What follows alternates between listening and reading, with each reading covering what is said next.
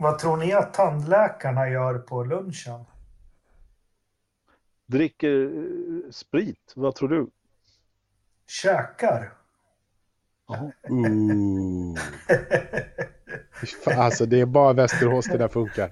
Inte ens Göteborg.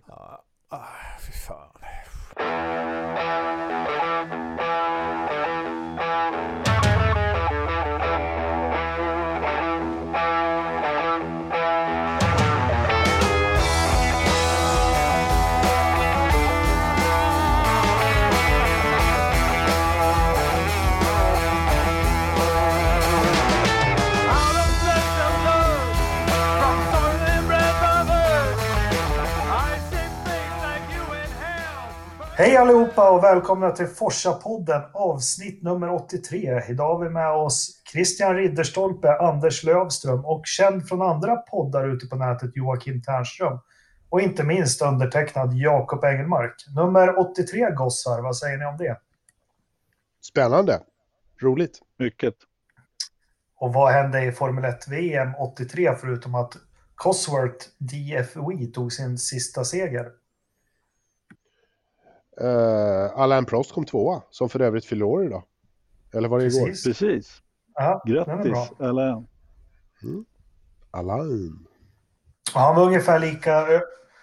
Nej, men det var ju första året en turbobil vann VM och det var ju den legendariska, en av de tre bästa förarna genom tiderna, tog sitt andra VM-titel, Nelson Piquet, en Brabham BMW. Tog han 81 och 83 alltså? Ja, 87. Ja, just det. Mm. Uh, Alan Prost, han ledde väl VM där uh, halvvägs ungefär lika överlägset som Hamilton brukar göra. Men sen fick de ju spunk i Renault. Uh, och han fick fly Renault när året var slut och uh, åka till Ron Dennis trygga famn i... Var de i Woken då med? Det har de väl alltid varit? det var de inte. Eller? Inte? Nej, inte när de har ju flyttat in i ett nytt schabrak för några år sedan. Jag kommer inte ihåg vad det förra stället hette, men det kanske låg i närheten.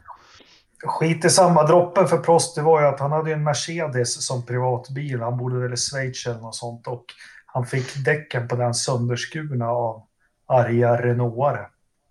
När han var hem till. Frankrike. Ja, så var det med det. Hörni, är ni laddade? Ja. Mm? Eh, nej, för vad då? Nej, nu ska vi inte snacka drifting, Ternström. Nu ska vi snacka bilar som går som på räls. Ja, ja, okej. Ja, vi kör igång. Det har ju varit lite tester. Jag tänker vi ska försöka vara lite seriösa och eh, prata igenom dels vad vi har sett, läst och hört och göra någon konklusion av det. Sen kanske våga oss på lite egna analyser. De har ju kört på de tre första testdagarna och det som är nytt för år är att de testar ju en dag mindre per vecka, så totalt två mindre testdagar inför säsongstart. Eh, har det någon inverkan? Vad tror ni om det? Nej, jag tycker det fortfarande är väldigt mycket testning. Egentligen så skulle det räcka med en vecka. Tre dagar borde räcka. Det är för mycket testning. ja, för, åtminstone för vissa så är det ju lite för mycket testning kanske, men eh, de toppstallen verkar ju skulle kunna klara, de som har bäst ordning på grejerna skulle nog klara sig med, med en vecka. Nej, jag vet inte, jag ingen, lägger ingen värdering i om det är för lite eller för mycket, men eh, nej, jag vet inte. Mm, ja, men det där är, det är nog lite grann som du är inne på där Anders. Att, eh, eh, man skulle kanske kunna tro då att eh, ja, men det blir mer spännande och oförutsägbart om man minskar ner på testerna. Men eh, det är fortfarande så att eh, resurserna skiljer sig åt så himla mycket mellan teamen så att eh, det där gapet skulle ju liksom fortfarande kvarstå och kanske till och med bli ännu större tror jag. Jag vet inte, skulle det verkligen göra någonting? Alltså så här, spelar det egentligen någon roll? Gapet finns och gapet kommer alltid att finnas. Och, och eh, nu har man ju å andra sidan ytterligare tre dagar på sig att förbättra det man redan gör väldigt bra. Vilket gör att de kommer att... De här stackarna som ligger efter kommer inte att hinna ikapp ändå på tre dagar till. Men det, det man kan se, Mercedes, de har ju som vanligt eh, senaste sex åren startat bilen ut och kör. De har kört i runda slängar lite över åtta Spaniens Grand Prix på de här tre dagarna. Alltså åtta Spaniens Grand Prix. Mm. Ja. Och det Ja. verkar ha gått, gått snabbt också. Ja, man måste väl kunna utvärdera bilen där på de åtta loppen, tänker jag. Jo, men så är det. det, ja, men det, det jag känner så här är väl kanske det att de är ju snabbare på det naturligtvis. För de stallen som ligger lite längre bak som vi pratade om där så, så är det klart att ja, men de kanske kommer lite närmare under den här perioden. Så, så att eh, för dem så är nog den här andra testveckan eh, mer värd skulle jag säga definitivt. Eh, Mm. Men samtidigt så kan ju då Mercedes och andra förfina det de redan är framför. Men man kommer inte lika långt tidsmässigt med den Eh, så, så, som, men de- som de ja, lite, stallen lite längre bak kanske kommer. Mm. Ja, men det, det blir ju lite... Det blir lite grann eh, the law of diminishing returns, så att säga. Eh, Mercedes befinner sig på en jävligt hög nivå liksom, men, men eh, eh, de andra teamen har ju naturligtvis möjlighet att och, kanske kapa lite mer procentuellt sett på sina tider än vad Mercedes kan göra, men, men de kommer som sagt inte att komma ifatt. Nej. Och Där, eller de där sista avgörande tiondelarna så, så, eh, så är det kört. Liksom. Det, Ja, men om, man, om man jämför mot Ferrari, för det är väl den fighten man har trott på, då, så har ju Ferrari alltså kört två Spaniens GP mindre. Mm. Och det är ju inte lovande i alla fall. Hur mycket man än säger att Ferrari kanske sandbaggar och, och grejer, så de i alla fall kört två GP-distanser mindre. Alltså, jag vet inte om det gör så jävla mycket. Liksom sex eller åtta stycken eh, GP. De, de har nog fått ut det de har önskat att att få ut på, på den tiden. Liksom. På sex Grand Prix-distanser så, så får du veta jäkligt mycket om bilen också. jag, ty, jag tycker det låter mer som att de fick, eh, fick eh, veta saker som de inte ville veta.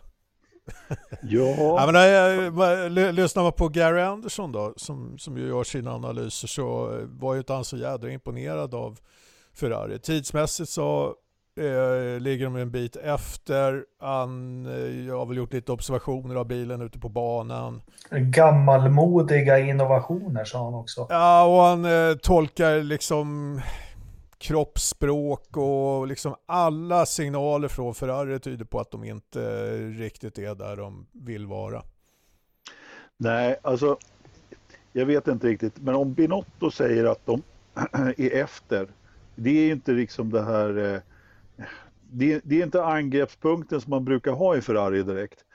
Samtidigt så säger man ju också att man har haft en helt annan eh, ingång till de här testerna än man har haft tidigare då. då. Och, eh, så frågan är ju lite grann om vad, vad, är, vad är sant och vad är liksom hur har man egentligen, eh, hur illa ställt är det eller hur, hur, hur liksom mycket har de snackat ner sig själva, vilket de aldrig brukar göra annars.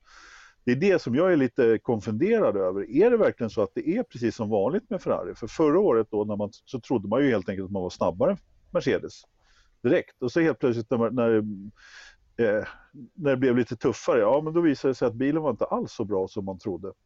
Och nu i år så känns det som att man eh, gör lite precis tvärtom, att man eh, går underifrån på något sätt och eh, försöker få bilen och, och försöker få låta som att man är efter från början. Men man kan väl, man kan väl krasst säga i alla fall att före Mercedes lär man ju inte vara, men eh, ja, jag, jag vet inte riktigt, jag är fortfarande lite osäker. Jag tror att det där är lite, lite dubbelt. Jag tror att dels så vill de inte gör, ha samma, eh, samma resultat i Melbourne eh, där de har snackat upp sig själva och trodde att de var, var änglar. Och sen faller de platt som en pannkaka eh, efter första racet.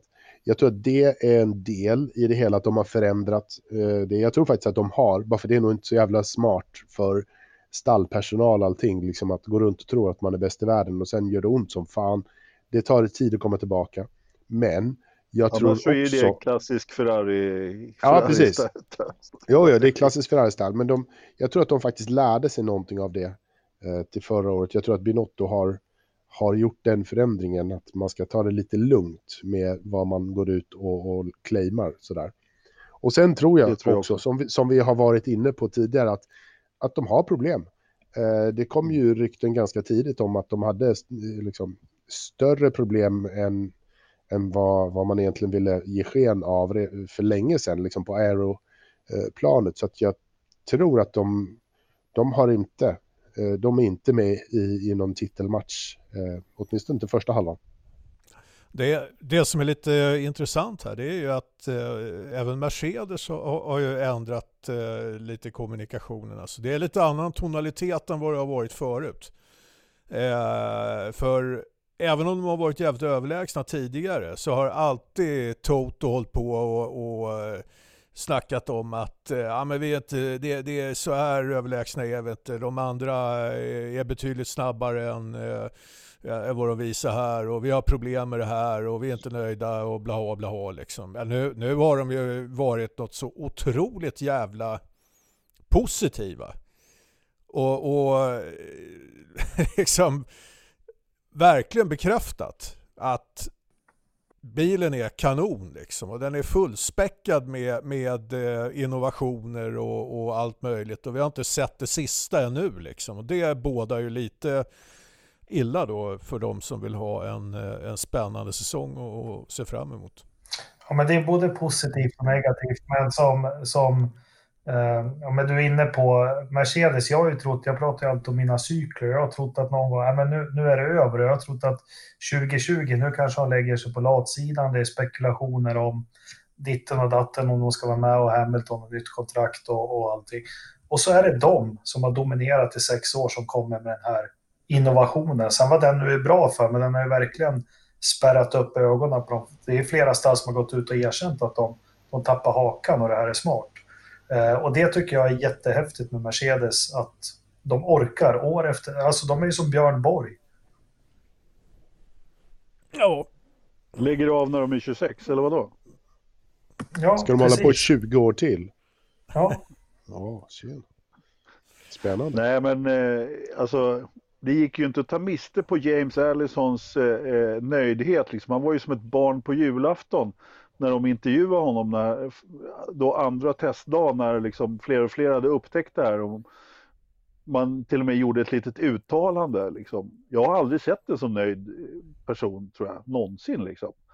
Alltså, helt ärligt, en, framförallt inte i Formel 1-depån, någon som var så nöjd med sig själv och som, eh, alltså han log ju hela karn liksom. Han var... Mm. Till, och med, till och med frisyren log. Mm. Ja men typ, ja men precis, eh, hela han, alltihopa liksom. Och, eh, sen kan man ju fundera lite grann på huruvida, hur viktig den här eh, eh, trombonen är då. då. Det, det, det, har ju debatterats flitigt efter men jag förstår att flera utav stallen tappade hakan lite grann för att det här är ju det som du har eftersökt eh, eh, Jakob med någon som rullar ut en sexhjuling. Inte riktigt men eh, det var ju trots allt en klar överraskning liksom när de börjar justera ratten helt plötsligt. Det, ja, det, bästa, det, bästa, det bästa av allt var ju faktiskt Jari Ravios kommentar på Facebook. Att de får fan ta och ringa någon på Williams så de får hjälp att svetsa rattstången. Men du eh, Anders, eh, trombonen, eller vad sa du för någonting? Vad kallar du? Ja, det är Ted Kravitz. Är inte du musiker? Det är Ted Kravitz ja, som, döpte det till trom The Trombone. Ja, ja, jag, jag, jag får ju mer associationer till någon jävla eh, maskin på ett gym liksom där man... Trom trombon? Okay. Ja, att de, de sitter där som en jävla rodmaskin ungefär och ska... Ja, ja precis. Ja, I, I, alla händelser, vi måste bara få det sagt alltså. Det är en jävla styggelse. Att skjuta ratten fram och tillbaka. ja, fy fan. Nej, det är lika, lika illa som en sexhjuling. Jag tycker det var lite spännande att ingen har tänkt på att man kan faktiskt flytta ratten i längdled också. Det är, liksom, det är ju en outnyttjad dimension som, man, som man, det tog till 2020 innan man kom på att fan den där ledden skulle man ju kunna använda också. Ja, det var ju fan en hel, rätte, det var en hel rättegång i Italien 1997 som handlade just om det. Flytta ratten i längdled. Ja, jo. Eh, du tänker på... Du, du är inne på, på Williams och Senna, dö, Sennas död igen misstänker jag? Eller? Ja, för den ratten satt ju väldigt löst. Ja, den, de säger det. Man, man vet ju inte riktigt. Men eh, Eh, det har väl inte framkommit exakt hur. Men skitsamma, vi kanske kan hålla oss till nutid. Det jag är fundersam på, det är om den verkligen gör någon nytta. Alltså man, man pratar ju hela tiden om, ja men eh, nu står däcken raka, eh, då, då blir de inte lika varma och så håller de ett par, par varv till och det gör de säkert också. Och, och hela det kittet. Men alltså det, det jag kom att tänka på var lite så här, ja men har liksom Mercedes gjort det här för att liksom bara bråka med de andra? Nu hittar vi på någonting så att de blir helt galna och börjar utveckla egna grejer. Sen åker vi ifrån dem ändå. Mm på någonting helt annat. Den, den konspirationen tror inte jag. Jag vet inte, jag tror att det för att göra en sån, för att lägga så mycket pengar som de förmodligen har lagt på att göra det här. Eh, för det här är inte någonting man lägger 10 000 på och slänger iväg på en Formel 1-bil och hoppas att Bottas inte kör rakt fram i en kurva. Eh, liksom, eh, de har nog lagt ganska mycket pengar på att eh, se till att få till det här. Hur mycket det sen gör, ja, jag, jag, antar att det gör tillräckligt mycket för att man faktiskt tror på att det är, är värt att ha. Jag tror inte man skulle göra det på något annat, av någon annan orsak. Um, nej. Ja, nej, men, eh, ja, men det, det, får man ju förutsätta. Att, eh, att det bidrar positivt på något sätt. Men eh, vi har faktiskt inte sett det nu, eh, slutet på den där historien. Det kan fortfarande vara så att det är kommer att vara något team som eh, protesterar mot den här. Men har man inte sagt att den är eh, okej okay då? Jo, men jo. alltså, jo, men, men eh, det, alltså, det, det, går, det går ju att... Eh, det beror ju på på vilken grund den är okej. Okay, liksom. kommer någon fram med eh, eh, någon bevisning av något slag som pekar på att den inte är okej. Okay, Alltså att eh, frigången påverkas, eh, vad det nu kan vara för någonting. Eh, jag menar, vi såg ju i fjol på det här med, med Renault. Eh, när eh, det tog ju, eh, det tog, det tog, ja, bra, ja, det tog, det tog eh, alltså konkurrenterna kände ju till det där under lång tid, men det tog eh, ganska eh, lång tid de tog lång tid på sig för att samla ihop bevisningen för att protestera. Men det var ganska stor skillnad där för att eh, där hade inte Fia godkänt hela kalabalaget eller vad heter det för någonting. Det har man ju gjort i det här läget och det här har ju Mercedes redan innan man, man tänkte börja köra med det här så har man ju då informerat Fia och frågat om de, mm. om de säger att det är okej, okay, vilket Fia också har sagt. Så att, jag tror att eh, det blir svårt för något stall att, att protestera i det här läget därför att eh, det är om inte avgjort så har det i alla fall redan testats hos FIA en gång och då, då måste man ju komma med rätt mm. mycket liksom, eh, graverande ja, grejer för att det inte ska vara okej okay en andra gång. Ja. Nej, men man, man, må, man, måste ju ha en, eh, man måste ha en argumentation som håller naturligtvis. Eh, och det, det kan vi inte utesluta att man inte kommer fram till. Ja, men vi, vi noviser, vi kan väl, alltså så mycket känner jag till. Det, det pratas om att höja och sänka bilen, raksträckor och downforce. Och det, det förstår inte jag i vad den skandalen skulle vara. För de här styva bilarna, alltså fullt rattutslag så höjer sig bilen. Alltså det är nästan så ett hjul lyfter och, och vingen åker ner. Eh, så det är inget konstigt. Sen eh, har jag forskat lite vad reglerna säger också. Nu, nu, nu har ju någon gått ut och sagt att 2021 är det här förbjudet, men det är ju inte på grund av det här för att i nästa Nej, reglement så står det klart och tydligt att då får ratten bara röras vänster eller höger och styra däcken vänster eller höger.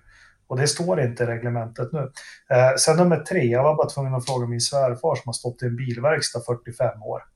Eh, hur han ser liksom, på bilar och så. Liksom. Ja, nu rör de ratten och får det här har ratten och styrning något med fjädring att Han bara, nej, det är inte så man tänker. Liksom. Styrning är styrning och fjädring är fjädring. Att det liksom inte hör ihop på det viset. Uh, vad fan vill jag komma med det? Det vet jag vet inte. inte riktigt, men det, var, det, var, det, det, det, du sa där om 2021 eh, års reglement, jag menar, Mercedes har inte haft 2021 års reglemente i tanken när de har gjort det här, för de har vetat att det inte kommer vara tillåtet. Då, då snackar vi en helt ny bil, så att jag menar det, det har ingenting med saken nej, men, nej, det menar, nej, men nej, Pöbern säger att som argument för att det är olagligt är att FIA direkt ändrat så här får man inte göra 2021. Ja, det är det. Jag underbyggde, det bara, jag underbyggde bara, ja, jag underbyggde bara ditt argument, Jakob. Jag sa, Yes, inte, jag sa inte emot dig. Konsensus. Ja, Ja, det är där vi är. hela tiden. Mm.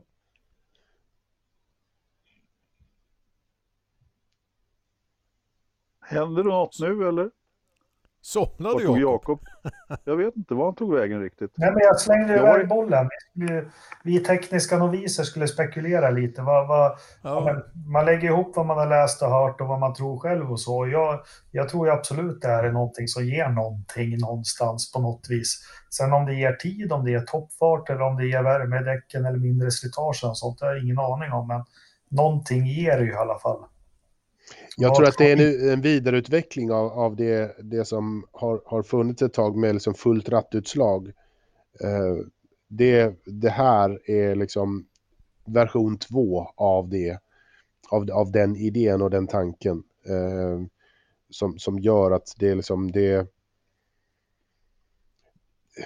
Det blir, det blir liksom mer effektivt att ta eh, kurviga partier och det, det gör att däcken hettas upp jämnare i långa raka partier, eh, vilket då gör att dels så går det snabbare och enklare att köra kurvor och du sliter mindre på däcken eh, när det är långa rakor. Så att det är ett par olika vinster som man borde göra med det här, tänker jag. Så att tanken, eh, tanken har nog funnits hos eh, James Allison redan, redan tidigare, men nu har han äntligen hittat ett sätt att, att kapitalisera på det, liksom, tror jag. Ja, jag tror väl som förut att, eh, att det är flera små saker som gör. Det, det, är, det är förmodligen inte en stor sak.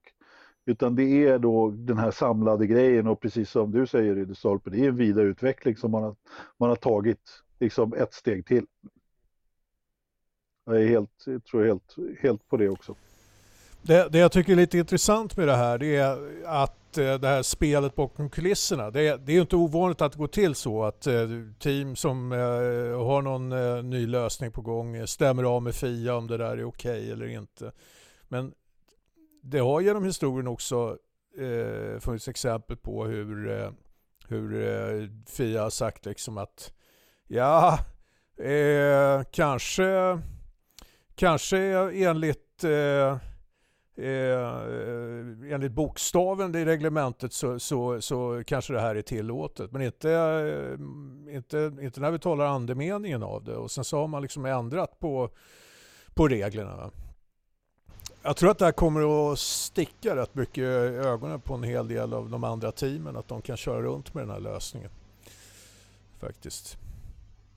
Jag vet inte, vi får väl se Alltså- nästa vecka, när, eller så här, senare i veckan när, när testerna kör igång igen, om det, om, det, om det snackas om det lika mycket eller om det bara tystas ner och inte bryr sig om Alltså, det. liksom.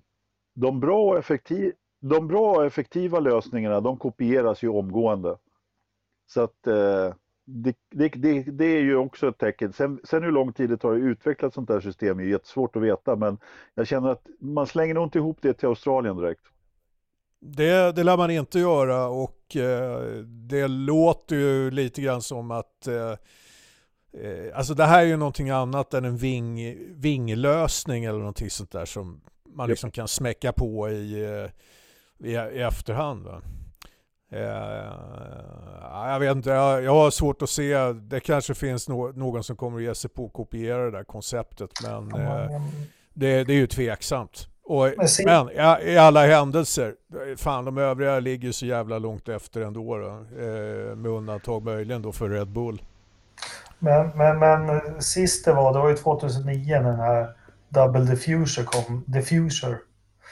Kan inte prata. Men, eh, och då var det ju stirrigt i depån också. Men då tog det ju 6-7 lopp innan de andra stallen fick ordning på det. Och eh, svetsa och banka och popnita och greja. Eh, eh, så de har ju, om det visar sig att det här är en game changer så har de ju en ganska brant uppförsbacke. Men jag tänkte Mercedes då. Vi, nu har vi pratat jättelänge om dem. Kassaskåpssäkra, snabbare, innovativa. Eh, ja, finns inte mer att säga. Vi, vi går till antagonisten från förra året, Ferrari då, och går in lite djupare där. Och då, då börjar jag slänga iväg vad, eh, som sagt, Gary Anderson, jag sätter väldigt stor tillit till honom. Han hade två saker som jag fastnade för, som han sa. Dels så... Eh, ja, det såg omodern ut. Han tyckte inte det var innovativt som de andra stallen. Det liksom var gamla, han såg inga nya idéer som de andra stallen har. Och sen så hade han också, han står ju med sin klocka och så, han sa ena timmen så var den 15 kilometer långsammare på raksträckorna än alla andra. Eh, för nästa sekund, eller nästa timme var snabbast, men varvtiden blev densamma. Vad har Frarri för problem, Ternström? Det vet jag inte. Nej men... Eh, så du är inte sugen på att fakturera längre? Vad sa du? Du är inte sugen på att fakturera längre? Nej, fan det är ju ingen som betalar. Ja, fan, jag skickar eh, fakturer till Marcus Eriksson och, och uh, jag tror inte Ferrari heller är sugna på pröjsa. För mina tips. Nej men jag, jag vet inte vad de har för problem. Det är, eh, det är bara känslan av att det inte går tillräckligt fort och att de letar efter eh, någonting. Men jag tror eh, det det som är lite intressant är väl den här, eh, vad ska man säga, det, det, lite lätt resignerade signalerna man får från alla som uttalar sig liksom från teamet. Va? Det finns inte den där gnistan liksom att, att man har någonting i bakfickan. Liksom. Det, den känslan får man ju inte. Uh. Och jag tror att eh, Binotto lär nog fan ligga risigt till alltså om de eh, inte har en bil som funkar. Alltså. Men, men Ridderstolpe, en del spekulationer är att förra året så det var något hokus pokus med motorn. Det var någonting med batterierna som gjorde att den gick så fruktansvärt fort. Men eh, de såg mellan fingrarna och sa ajabaja, nästa år måste ni sköta er. Kan det vara något sånt också? Att det är något hokus pokus med motorn som de inte får göra i år, tänker du? Ja, och så ja, jag... försöker de... Ja. Jag tror, jag tror att eh, just motorpaketet tror jag nog att det eh, har de koll på, eh, skulle jag säga. Liksom. Jag, jag, tror att de, de faktiskt har eh, en riktigt bra motor eh, även i år. Jag tror faktiskt att de hade en riktigt, riktigt bra motor förra året. Men jag tror inte att de har koll på, på luftströmmarna direkt under och över bilen. Där är nog eh, det stora problemet hos Ferrari för 2020 skulle jag säga. Lövström, har du några åsikter? Vad säger italiensk media? Eh, jag, jag har alltid åsikter. Faktum är att jag, som jag sa tidigare, så är jag väldigt osäker på var Ferrari står någonstans. Jag vet inte vilket ben jag ska stå på. Eh, samtidigt så hoppas jag att de har lite mer att komma med. Men samtidigt så, så känns det inte riktigt som om att de har det, även fast de försöker spela ödmjuka, det, det, vilket de ju aldrig har klarat av förut. Men i alla fall, Eh, jag tror däremot, tvärtemot Ridderstolpe, att de inte riktigt har koll på sin, eh, eh, sin power unit. Eh, jag tror att det är där grundlägg, det som eh, själva deras grundläggande problem ligger och eh, att de då fick de här två grejerna förbjudna förra året med bränslesystemet och att de inte riktigt har kommit igen efter det. Eh, eh, jag, jag, jag gissar på att det är därför som de inte riktigt är i kappen faktiskt. Sen eh, deras då, eh, vad heter det, konstruktion med dubbla batterier, den verkar ju finnas kvar i och för sig. Då, då. Men nej, de fick ju aldrig riktigt stil på det där med, med bränslemängden och vad fasken det var för någonting som pulserade ut och hela kittet. Så det kan mycket väl vara så att det, det är det som spökar lite. Men, men Ternström, om jag frågar dig, vad händer nu? De kommer till Melbourne. Eh, ja, med tre lopp in i säsongen så visar det sig att Ferrari har fjärde snabbaste bilen. Vad händer internt och vad händer med Vettel och vad händer med Leclerc? Kommer han ha tålamod? Ja, vi, det vi vet är att så som Ferrari har fungerat tidigare så hamnar de väldigt lätt i negativa spiraler. Eh, det är inget team som, som det är speciellt kul att jobba för när det inte går bra. liksom. det, de, har ju, de är ju under enorm press. Eh, italiensk media är ju fullständigt skoningslösa om, om, eh, om det inte går bra. Så jag tror också att eh, jag får också lite sådana här eh, skumma signaler om att de... Alltså Binotto känns inte som den här ledaren som kan tala om och styra liksom och, och, och säga, säga så här ska det vara liksom. Här ska skåpet stå. Och framförallt inte när det gäller eh, eh, när det gäller förarna då, Vettel och Leclerc. Liksom. Nu, eh, nu på något sätt så vill han ge sken av att eh, ja, i år får de eh, tävla mot varandra men eh, eh, behövs det så kommer vi att utfärda eh, teamorder liksom. Och båda vet att det är för eh, teamets bästa de kör. Alltså, jag, jag, jag, jag, tror att han kommer att ha häcken full med eh, både förare och eh, italiensk media att hantera. Liksom. Det, eh, har de inte en bra bil och, och, och, inte har medvind från början då blir det tufft. Mm. Ja, det blir faktiskt spännande att följa dem nästa vecka. Eh, vi lämnar Ferrari då så går vi till den bilen som av Gary Anderson återigen. Ni får ursäkta att jag refererar mycket till honom. Men eh, den bästa bilen har han sagt eh, solklart. Red Bull. Ligger som ett strykjärn kurva 1, 2, 3. Gör allt som förarna vill. Men någonstans så finns inte den här absoluta farten. Är det, är det Hondan Montro eller? Ja, det är väl det det är. Liksom i, eh, annars så verkar de ju som, som vanligt så har de ju koll på Aeron i, i det teamet. Men det är väl liksom, framtiden ligger ju för Honda kan man väl säga. De, de har tiden på sig och eh, kommer att utveckla den motorn så att de blir... Jag, jag tror att eh, Max Verstappen har, har chans att vinna i år med den bilen. På riktigt hela klabbet. Det, det, finns ju några grejer som talar emot Honda och bland annat så eh, kom det ut en artikel idag på Autosport där eh, bland annat eh, representanter från Honda uttalar sig om eh, att eh, det är lite knepigt för dem att eh, kunna satsa så mycket som de vill satsa på grund av eh, situationen inom bilindustrin där allting nu handlar om, om eh, elbilar. Eh, och de har ju inte, de har ju inte bundit sig för, eh, för mer än den här säsongen.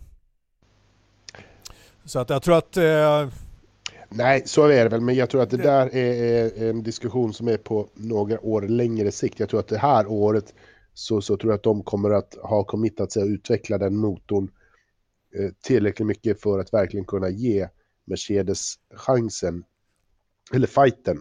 Eh, mycket på grund av att de har ett så bra aeropaket så behöver inte motorn vara lika kraftfull som Mercedes-motorn kanske är, lite mer överlägsen. Eh, inom sådana här eh, tävlingsavdelningar som finns på, eh, inom bilindustrin så brukar de ju eh, faktiskt ha, alltså de har ju egna ambitioner. De vill ju. Ja, det, kan, det kan jag nog säga att eh, jag är rätt hundra på. Att alla som jobbar inom Honda med racemotorerna, de, de vill fortsätta med, med F1. Så de kommer, eh, de kommer nog eh, anstränga sig så in i helvete för att, att leverera bra grejer, det tror jag.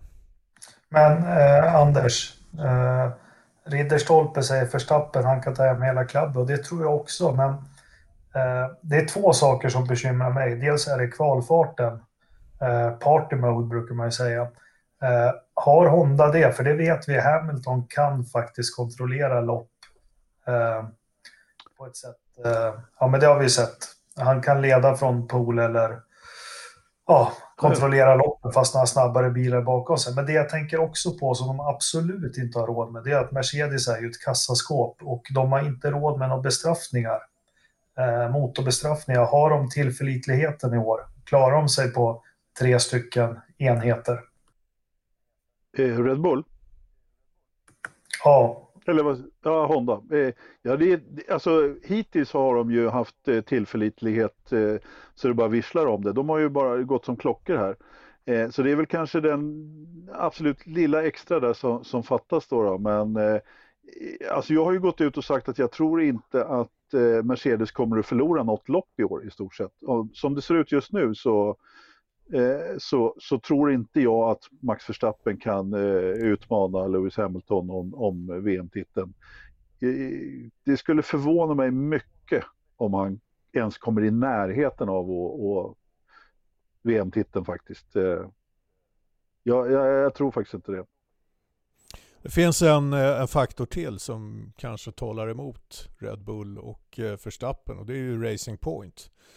Nu eh, försöker man ju att ge sken av att eh, Racing Points ingenjörer har eh, tagit tusentals bilder av Mercedesen och kopierat den och så vidare. Va? Men vi vet ju att både utsida och insida av en bil hänger ju ihop. Va?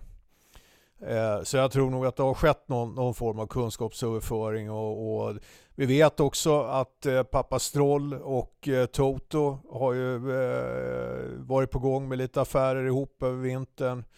Det finns, finns kopplingar mellan de här två teamen som gör att jag, jag tror att man kan misstänka att det kanske kan bli lite fyrbilsteam av det hela och då har de en jävla bra eh, möjlighet att styra racen strategiskt så som de vill ha dem.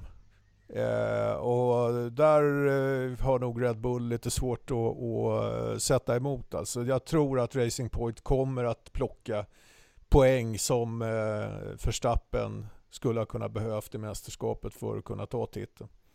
Absolut, det är inget, inget, inget snack om saken. Det är liksom, Perez kommer att stå på pallen mer än en gång eh, på tredje plats. Mer än en gång under, under den här säsongen och främst då första halvan. Eh, där de har den största, största nyttan av att köra en fjolårs Mercedes. Eh, men tror det tror jag Sen Perez, han är väl inte den som fladdrar iväg, men han har ju intervjuer jag har sett, han har varit väldigt nöjd och nästan sett lite kissnödig ut och, och flinig och så. Men något som jag är bitter på, jag såg bara bilderna direkt, jag läste ingenting. Och så, vad fasen, Force India har alltid haft en speciell nos. Ända sedan nya reglementet, väldigt speciell nos. Och så, men herregud, den ser precis ut som Mercedes nos. Och, och så tittar jag mer på, men den har ingen rake bilen, den är helt platt. Och så började jag skriva till er, har ni sett? Men då var ju det redan ute. Eh, det är jättebesviken. Men är, är det smart gjort eh, att eh, göra den här kopian?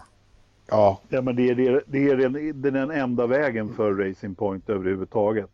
Det man har gjort är ju inte bara att man har kopierat fjolårs Mercedes utan man har ju utökat samarbetet. Alltså det officiella samarbetet med Mercedes är utökat.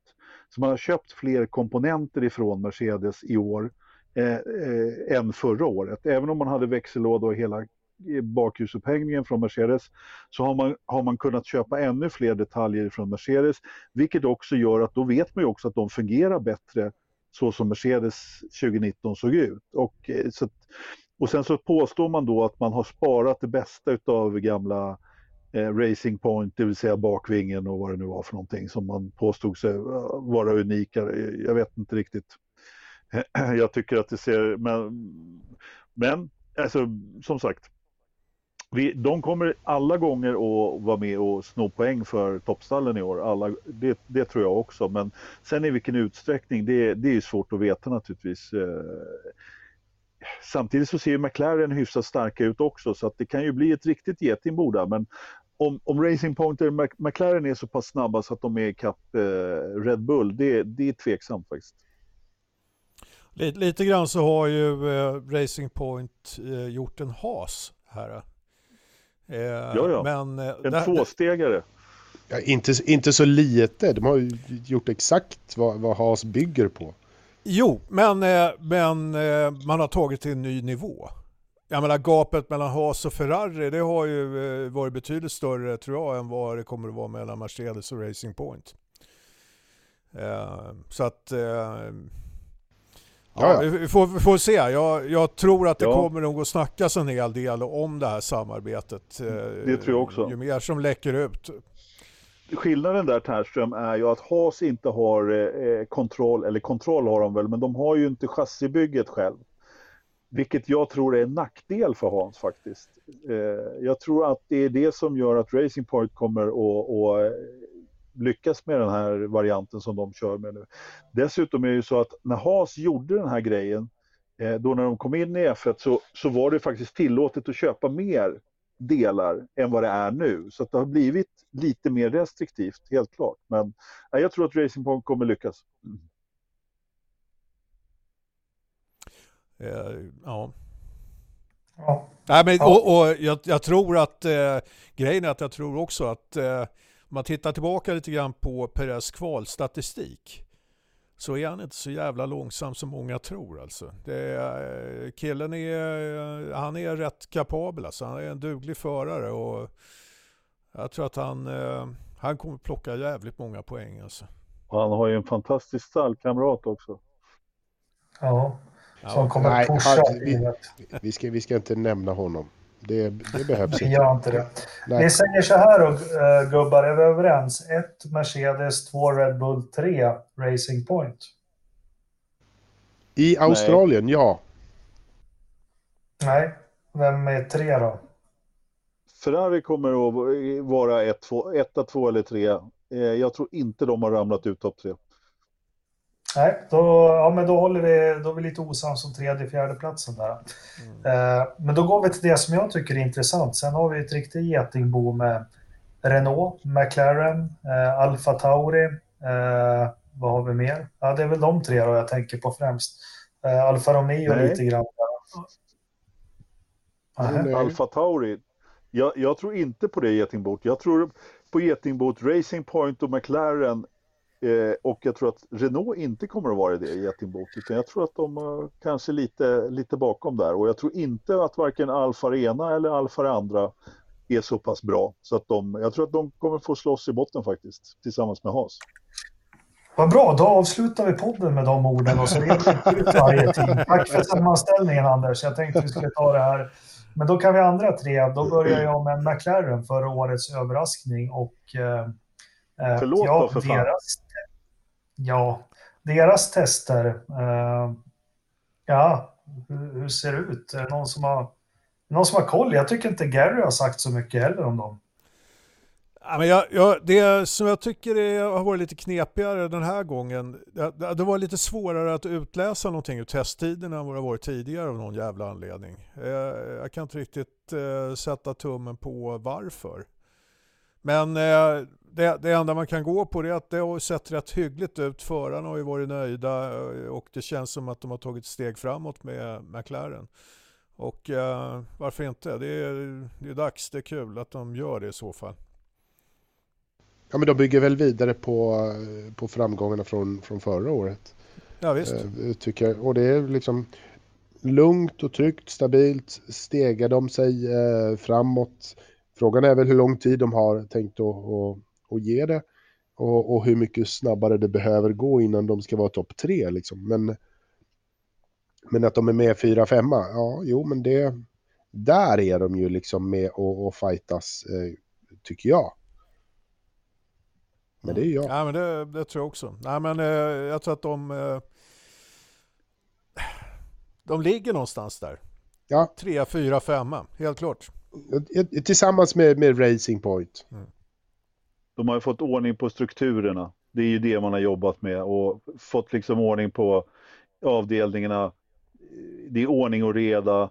Nu börjar man jobba framåt. Förra året var, funkade men man hade lite problem med, med tillförlitligheten. Så att, eh, det spelar ingen roll att man kommer att byta reglementet tror jag. Jag tror att man kommer att ta ett steg till även eh, i år kommer man ta ett steg, men man kommer inte nå ända upp till eh, pallen på regelbunden basis. Men eh, man kanske, de kanske ramlar på en pall som de gjorde förra året. Ja, lite tillfälligheter behövs för att det ska eh, klivas upp där. Ja. Men, men, eh, men de är där och, och nosar i alla fall. Mm. Och där, där måste jag ju då hålla med Anders om att våra franska vänner i Renault, om vi fortsätter trappstegen här så det var ju inte världens bästa tongångar där under de sista dagarna under testerna här. Eh, det, det verkar inte riktigt som att det går så bra. Vad säger man om det? Ja, ja, men tidsmässigt när man kollar på så har de ju kastat in en del bra tider. Jag vet inte riktigt var det negativa kommer ifrån. Det är, Cyril har väl redan gått ut och ursäktat sig med att det här är ju egentligen inte Renaults bil. Utan det är fortfarande gamla designteamet som han har saxat bort som ligger bakom den här. Ja, är det, Vad är det för jävla ursäkt? Men alltså hur jävla länge kan man Ja. säga det då? Hur många år behöver han på att skapa en bil? Eller? Ja, nu har de 16, 17, 18, 19. Det är 50 år här nu. Eller hur? Jämför Mercedes 10, 11, 12, 13, 14. De börjar vinna. Dominera deras 50 år. Nej men Ja. eh, Renault har ju sagt att de ska, det här är ju femte året och det är nu de ska vara så starka men de måste ju ha gjort någon revidering av den där planen för att eh, de märker att det inte funkar. Det, de kanske funderar på, på, på reglementer då nästa år men alltså är det, det känns ju helt sjukt att det här ska vara en design då som är gjord av några som inte fortfarande är kvar i Renault. Eh, ja, jag vet inte riktigt. Sen körde väl Ricardo sönder någonting på bilen också här så att de fick eh, de hade problem inledningsvis, fick reparera bilen och sen så när de fick ordning på den då och Ricardo inte körde, körde över Sausage Curbs, ja men då, då hade de ju hyfsade tider ändå i alla fall.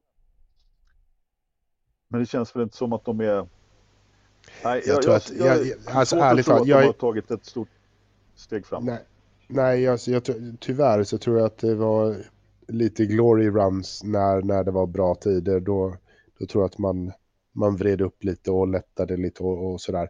Mest för att ge lite positiv feedback till, eh, tillbaks till, till teknikerna och sånt där.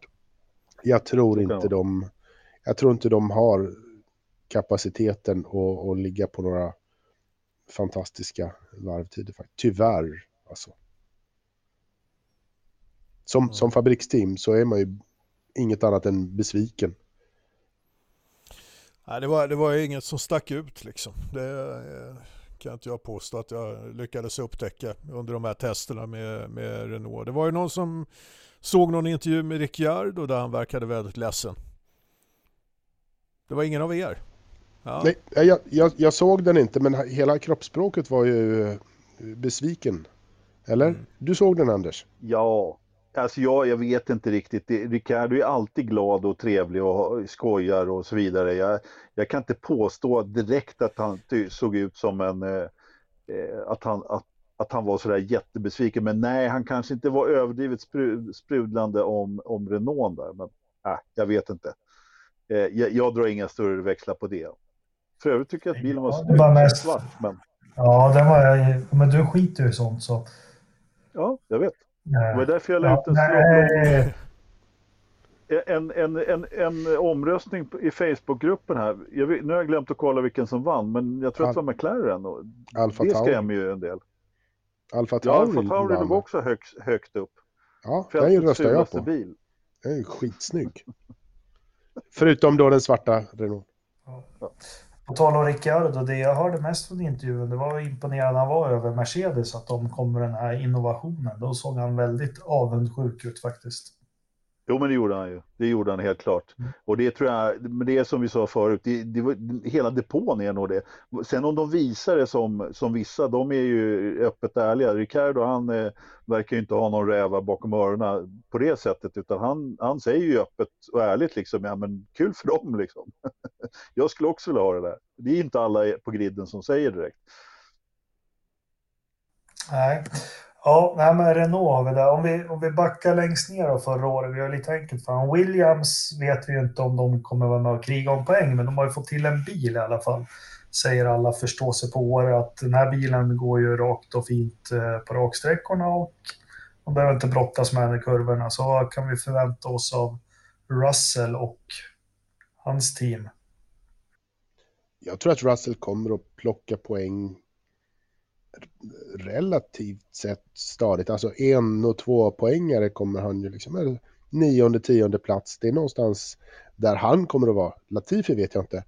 Ehm, det, det enda som snackades om Latifi under hela testerna var att hur, hur undervärderad han är eh, i, i allmänhetens ögon. Men eh, så att de snackade upp honom en aning, det är säkert också lite självförtroende. Men jag tror att Russell kommer att göra eh, en, en bra säsong med materialet sett. Och jag tror inte att Williams kommer att vara tionde team. När året är slut. Nej, men det, där håller jag faktiskt med dig. Det ska bli intressant att se om, eh, om eh, vi är överens om vilket team som kommer att vara, vara sist i år. Men eh, det kan vi ju ta sen då. Men det, den här gången har de ju liksom, de kom till eh, testet med en eh, färdigbyggd bil liksom och, och kunde rulla ut och börja köra. Bara det är ju ett jävla stort framsteg. Och, Precis, bilfan startar till och med. Ja, ja, ja, nej men fan det, det får man ändå säga är ett, ett jävla bra steg framåt och eh, förmodligen så känner hela teamet eh, Eh, det, det, måste kännas jävligt bra för alla i, i teamet. Att, fan, äntligen liksom. Fjolåret, det kan vi glömma nu liksom. Det, nu kan vi se framåt. Och jag tror ju att Latifi är ju en betydligt bättre förare än vad, eh, vad eh, Kubica var. Så att, jag tror säkert att eh, Russell och Latifi kommer att kunna ta eh, några poäng i, eh, i år men jag tror kanske inte att de kommer att kunna göra det av egen kraft eh, riktigt. Men de kommer att vara med tillräckligt högt uppe eh, för att kunna eh, plocka några ströpoäng under året när de andra får eh, lite bekymmer. Va? Så att, eh, eh, helt klart stort steg framåt för, för Williams. Liksom. Så att, eh, och det är ju kul. Det är ju ett team som man vill att det ska gå bra för. Absolut. Sen tänker jag också faktiskt att eh, i år så måste vi faktiskt ge Williams eh, lite extra cred med tanke på att Racing Point och, och Haas och alla de där kör en ny, eh, en, den nya tidens sätt att bygga Formel 1-bil. De håller kvar vid det gamla traditionella att vi ska fan bygga bilen själva. Eh, de, de håller inte på att maxa inköpningslistan från, från mästaren utan de har haft alla års möjligheter att köpa precis hur mycket som helst ifrån Mercedes. Men de köper det de behöver och sen gör de bilen själva. De, är, de har den stoltheten i, i magen att det är våran bil. Och det, just i år så tänkte jag ge dem lite extra cred för det. Ja, och jag som tycker det är viktigt om hur bilarna ser ut så har ju då märkt att de fick ju ingenting övers till övers för han som skulle designa liveryt, för det ser ju ta ut som en rullande tandkrämstub. Det säger de ju själva också. Det, och det, det är de också lite... Okay. Ja, ja, Claire Williams har sagt det så här, säg ingenting om tandkräm nu. Hon har hållit på Twitter. Fan, ja, ja, ja. Jo då. Aqua Fresh, eller vad heter den? Ja, men precis. Den där tre, trerandiga. Mm. Ja. ja, men vad bra. Då har vi lite mer, en, en liten eloge till Williams. Jag tror alla vi som gillar racing tycker det är kul att de är på uppgång i alla fall. Uh, jag tror inte det finns, eller finns det någon som tycker ännu inte illa om dem? Nej. Nej. Det, det, kan man inte göra. Då har vi lite andra. Då, då skulle jag vilja säga eh, Alfa Tauri. De, de kommer vara med och hugga där, men de, de orkar vi inte prata om så mycket. Men sen har vi två gåtor då för mig. Haas och Alfa Romeo. Eh, Haas går långsamt på testerna, men eh, de är väl, kan jag tänka mig, mest ute efter att försöka förstå och få ordning på det som var problemet förra året. Men Alfa Romeo, det gamla Sauber Tärström, har de blivit bättre eller har de andra blivit sämre? Alltså jag vet inte. Det, jag, man får, får lite känslan av att de, eh, de inleder det här året ungefär där de slutade fjolåret. Känns inget spännande längre med, med, med dem. Liksom. Känns inte som att de är på väg någonstans. Så jag vet inte vad som händer där. Nej, men Visserligen det... så, eh, Kimmy drog ju till med något riktigt jävla snabbt varv va? men, men eh, ja, nej jag vet inte. Men, men det, det, återigen, varvtiderna var väldigt svåra tyckte jag att eh, läsa, läsa, läsa av någonting ur. Va? Men eh, eh det, är mer, det är mer en känsla liksom att ja, det blir Giovinazzi var ju rätt långsam till att börja med där på testerna också. Det är ett generellt drag när det gäller honom. Jo, men eh, fan han var ju så in i helvete långsam. Så att man kände liksom sådär långsam är han ju inte eh, som förare jämfört med dem han låg efter där. Så att han, det kändes som att det är antingen så håller de på och testar med, med, med en jättebensintank eller någonting sånt. Men det är lite... Eller, eller också är bilen dålig. Ja, men är det inte lite samma mediokra känsla som man får när man tänker på Renault, när man tänker på Alfa Romeo? Det händer ju fan ingenting. Eh, även om, även om med Renault så har man större förväntningar. Alfa Romeo har ju inga... Jag, jag tänker mig inte att de någonsin kommer att svängas upp till liksom plats fyra. Eh, Det, det känns ju jävla otänkbart liksom. Men, Nej. men det är så här, det, det, det står och trampar vatten. Det händer ingenting liksom. Det känns nästan Nej. som att de, eh, hela den här kopplingen till Ferrari och med Alfa Romeo, det känns nästan som att det är någon hämsko liksom. För när han, massören eh, klev in där från början, då började det ju hända grejer liksom. Men eh, sen vart det ju lite ägarbyten och annat skit va, så att, ja, jag vet inte. Ja, Där, alltså Vasör kom ju in efter ägarbytet men ja, det men, gjorde eh, det gjorde han. ja, alltså, Ja, men, var, eh, men Alfa, Alfa klev ju in senare. ja, fast det ju, har ju ingenting med ägarna, de är ju bara en sponsor. Så att, och, och det har ju, har ju det har ju ingenting att göra med samarbetet med Ferrari heller för den delen. Annat än att, än att man får liksom en koppling sponsormässigt. Eh, Men jag tyckte ni sammanfattade det ganska bra. Helt ospännande och står och trampar vatten, för det är så jag känner för Alfa Romeo också. Det är, det, det, alltså den här konstrukt, konstruktören som fick kicken efter eh, Australien förra året för att han var full på planet hem. Jag har glömt vad han heter, men den snubben, han verkar ju vara en riktig... Han verkar ju kunna... Nej, konstruktör. Han, som, eh, han verkade ju liksom vara en snubbe som kunde få bilar att gå fort i alla fall. Jag vet inte om jag hänger upp mig bara på honom, men jag tycker faktiskt att det är sen han slutade som att det har gått eh, i stå lite för Alfa Romeo. Mm.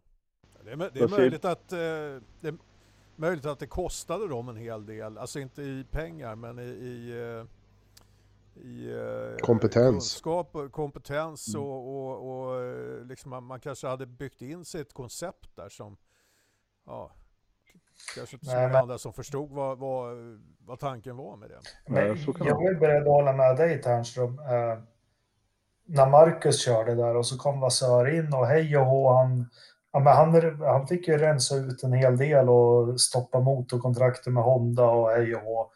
Eh, och det kändes som det var friska vindar som blåste, men jag känner den här Ja, nu säger du att de är bara sponsorer, men det finns ju ändå någon koppling till Ferrari och, och allting. Att det är, de är ett skruvstäd där känns det som.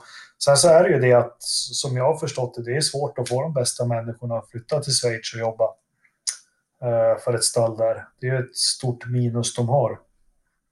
Ja, men det, det, det har de ju pratat om jämt. Jag vet inte riktigt om... eh, jag det är väl lite som framgång födde, födde framgång lite grann. Att eh, går det bättre för Alfa Romeo så är det nog inte så svårt att få någon att flytta till Schweiz. Men eh, eh, ja, ja, svårt att få folk att flytta till Schweiz. Vad fan, lågskatteland, god choklad, eh, fina berg, allt möjligt. Kimi bor i Schweiz, eh, Vettel bor i Schweiz. All, varenda jävla Formel 1-förare bor ju i Schweiz. Ja, men ni- det är... dyrt i Schweiz. Ja.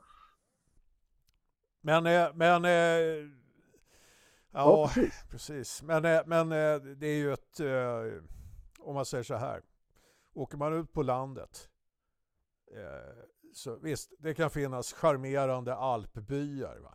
Men sådana där jävla ställen som, som eh, Sauber Alfa Romeo ligger va? Det är...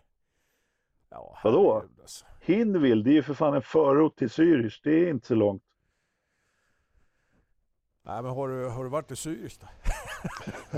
Ja, det har jag Nej, faktiskt. men alltså, nej, men det, Schwe- Schweiz är liksom inte det är landet där det händer ingenting. Så du menar alltså att Milton Keynes och Woking är mycket mer spännande? Precis. Ja, men där, de knallar ju ner och träffar varandra på puben där alla de olika teamen och, och eh, tar ett par bira.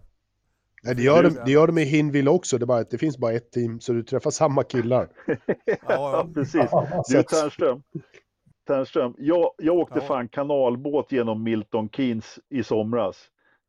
Det var inte det roligaste stället här i världen kan jag säga. Du har varit tjurig sedan dess. Ja, eller hur? Ja, men Ja, hörni, jag vet vi, vi, vi slår ihop böckerna. Vi har ganska klart för oss vad som är topp tre. Anders hade lite andra gissningar. Sen får vi se. Det är nya tester nästa vecka, så vi, vi får följa upp dem i nästa veckas fast- podd. Fast jag skulle vilja veta, eftersom vi var inne på det, vilket team kommer sist? Ja. Vilket Haas. placerar sig? Det är Haas. Ja, det är Det Haas. är det vi tror. Ja. Ja, Ja, det är, ja, det ingen- har det, det, Fast det är jag, det. jag De- måste... de är inte, de är inte klara. Alltså, så här, jag, jag är så grymt förvånad över att de spenderade halva fjolåret med att försöka förstå bilen och de spenderar eh, än så länge hela det här året med att försöka, försöka förstå vad som var fel förra året. De har inte kommit någonstans. Jag är ledsen, men det, det ser fan inte bra ut.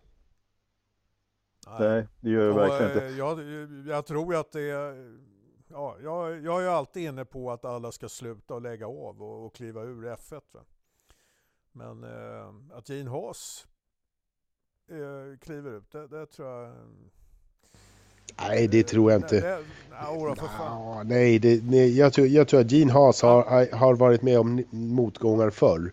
Eh, och jag tror nog han har lite uthållighet i det hela, men och jag tror att Günther Steiner sitter rätt säkert också, men jag tror att någon annan, eh, någon konstruktör eller, eller sådär kanske inte riktigt eh, hänger med hela säsongen ut. Alltså det, grejen är ju, eh, det gick ju bra som fan för dem när de eh, klev in, överraskande bra i F1 och sen har det bara gått neråt hela vägen. Det de skulle behöva nu, det är ju en stor och stark sponsor som Rich Energy som kliver in. Eller hur? Okej, okay, kom igen. Kör, kör, kör lite Rich Energy en, en liten stund här så, så precis. Någon, någon som vet vad de håller på med. Då skulle de ha näsan ovanför vattenytan igen. Ja, exakt. Vi kommer till de frågorna sen. Nej, men Gene Hans gör väl som alla jänkare alltid har gjort, att han går det lite emot om man inte vinner, då kliver man ur. Ja, ja den risken Nej, är uppenbar. Jag... Jo, ja, men Anders har ju sagt klart och tydligt i intervju att kan vi inte börja tävla där vi var när vi kom in, då, då, då får jag lägga ner det här. Ja, alltså jag är beredd att hålla med Ternström faktiskt. Det, det, det, det är nog snarare, alltså det, det, är inte långt borta för, från att de äh, lägger ner, men Alltså lite tidigt är det, så länge har de inte kört, men risken finns helt klart, även om jag inte skulle vilja dra det. Jag måste bara fråga en sak till er tre. Förlåt Jakob eh, om jag tar över här, men när du sammanfattade där att alla utom jag trodde att topp tre var någonting annat. Det är alltså så att ni alla tre tror inte att Ferrari är topp tre. Har jag fattat saken rätt i gallupen då? Börja med dig. I, i, i, I Australien så är inte Ferrari på pallen. Jakob? Nej, jag tror inte heller det. Och inte Ternström heller? Alltså, jag vet inte, jag tror att... Eh... De har dragit sig ur då, säger Ja, de, jag tror risken är stor att de drar sig ur här faktiskt. Nej, men, eh, nej, men jag, alltså, egentligen så rimligen så borde de vara trea. Det är, mm. Så är det ju. Det är, men eh, eh, det finns ändå någon liten risk, eh, sannolikhet för att eh, de faktiskt kanske inte är eh, de kanske inte är ensamma på tredjeplatsen i alla fall. Liksom. De kanske slåss om tredjeplatsen med Racing Point och, eh, och vad fan heter de? McLaren. Ja. Men, det, men, men, men jag menar sett över hela säsongen så har ju Ferrari resurserna att få fart på en biljävel. Va? Eh, så att eh, ja, initialt så, så kanske de inte är där men eh, mot årets slut så tror jag att de är det. Ja, men det tror jag också. Nej men det, men det, det tror jag, alltså i, i slutet på året så, eh, så finns det ju ingenting som säger att Racing Point kommer att eh, hålla en eh, hela året ut. Det tror inte jag i alla fall. Jag tror att Ferrari kommer att eh, komma ikapp och ganska klart förbi Racing Point när, när vi summerar eh, hela. Men eh, från, från startblocken så nej, då tror jag faktiskt att förra årets Merca är bättre än årets eh, Ferrari. Jag tror, eh, jag, jag, det är en sak som jag skulle vilja flika in här när det gäller Racing Point som man ska tänka på de har ju gjort ganska stora investeringar i sina anläggningar och byggt ut. Va? Och eh, det där är ofta sånt som man inte ser effekter av eh, direkt. Det ställer till med en jävla massa stök i organisationen och, och såna här grejer. Va? Avdelningar ska flytta hit och dit och eh, folk ska lära sig nya maskiner och vad fan det nu kan vara för någonting. Va? Alltså jag tror att eh, Racing Point kan eventuellt har skaffat sig den där plattformen som behövs för att liksom kunna bygga vidare på en bra start också och, och hålla samma nivå över hela säsongen. Så att eh, varningsflagg utfärdad. Ja, kanske, men jag tror att de kommer vara så smarta och, och eh, ekonomiska att de relativt sett tidigt lägger ner Racing Point och kör Aston Martin-bilen eh, istället och lägger pengarna där. Så att eh, investeringarna kommer de att börja räkna hem från 2021 och inte från 2020. Nu har de gjort en, en quick fix som kommer att ge dem eh, bra med bonusutbetalningar över året för att de kommer att och, och liksom ligga bra till i sammandraget. Men investeringarna kommer nog att betala sig nästa år, tror jag. Det är därför eh, de har vi, gjort dem. Vi vet mer om en vecka. Det är tre dagar kvar att testa. Eh, så det kanske händer något, något, något konstigt nästa vecka. Eh, jag tycker vi stänger dörren om Formel 1-testerna och spekulationer, men jag har en annan spekulation som eh, eh blir det någon Formel 1-VM? Ja men eh, bra, bra fråga. Eh, nu är det ju nytt jävla coronavirusutbrott i Italien. Och är det inte så att Ferrari ligger i Lombardiet? Hur har ni det med... med jo, de ligger väl norrut. Mar Mar Maranello. Ja, de, de ligger inte så jävla långt bort från Milano. Så att eh, det finns, en viss, finns ju en viss risk här att eh, Eh, det kan ställa till det för dem med tester och annat. Har herr Ternström varit i Italien? Ja, vad fan, jag har varit i Maranello. Jag har ju för fan, för fan vuxit upp där. Ja, men fan, jag har ju stått och, och, och pissat på, på Enzos tegelkåk där. Kan du inte hålla mig. Ja, ja. Emilia Romagnana eller vad fan provinsen heter. Det ligger inte i ja. Lombardiet kan jag meddela. Nej, det, det, gör det kanske inte. Men det är inte så långt bort från Milano på kartan. Det är inte mer än en, en och en halv timmes Det beror på hur stor karta du har Ternström och vilken skala det är. Ja, det tar fan en hel dag jag... att köra. Yes. ja. Så, nu vart det På spåret här helt plötsligt. Men, äh, Ja, men det är jätteutbrott, alltså... jätteutbrott, av, jätteutbrott av coronaviruset i Italien. Och Italien ligger nära Spanien och Tyskland och så vidare. Och Europasäsong. Och nu börjar den här eh, smittpsykosen eh, bland folk. Alltså, kan det här få verkningar för Formel 1-VM? Vill Australien, dit får du väl inte åka hur som helst? Vill de ha dit en massa europeer? Men jag, jag, jag, säger så här, börjar man ställa in evenemang av den här kalibern, då har världen andra problem vid det laget. Då, då tror jag att vi kan tala om en, en, eh, en finanskris också. Så att, eh, jag vet inte. Det blir, det blir liksom poänglöst att fokusera bara på Formel 1. liksom om det skulle bli så att man blir tvungen att ställa in Formel 1-säsongen, ja, då, då är det mycket annat som är inställt. Ja men det, ja. så är det väl. Men sen är det väl fortfarande som så att ett vanlig influensa är fortfarande värre än ett corona. Absolut, och jag, jag personligen så är jag inte ett dugg eh, orolig över att bli sjuk i det där jävla viruset. Det är, som, det är, som du säger, det är vanlig influensa dödar fler. Liksom. Ja. Men, men, jag är mer orolig över samhällskonsekvenserna på grund av eh, ja, att man, man stänger ner eh, eh ja, man, man, man, stänger ju ner samhället mm. fullständigt på sina ställen.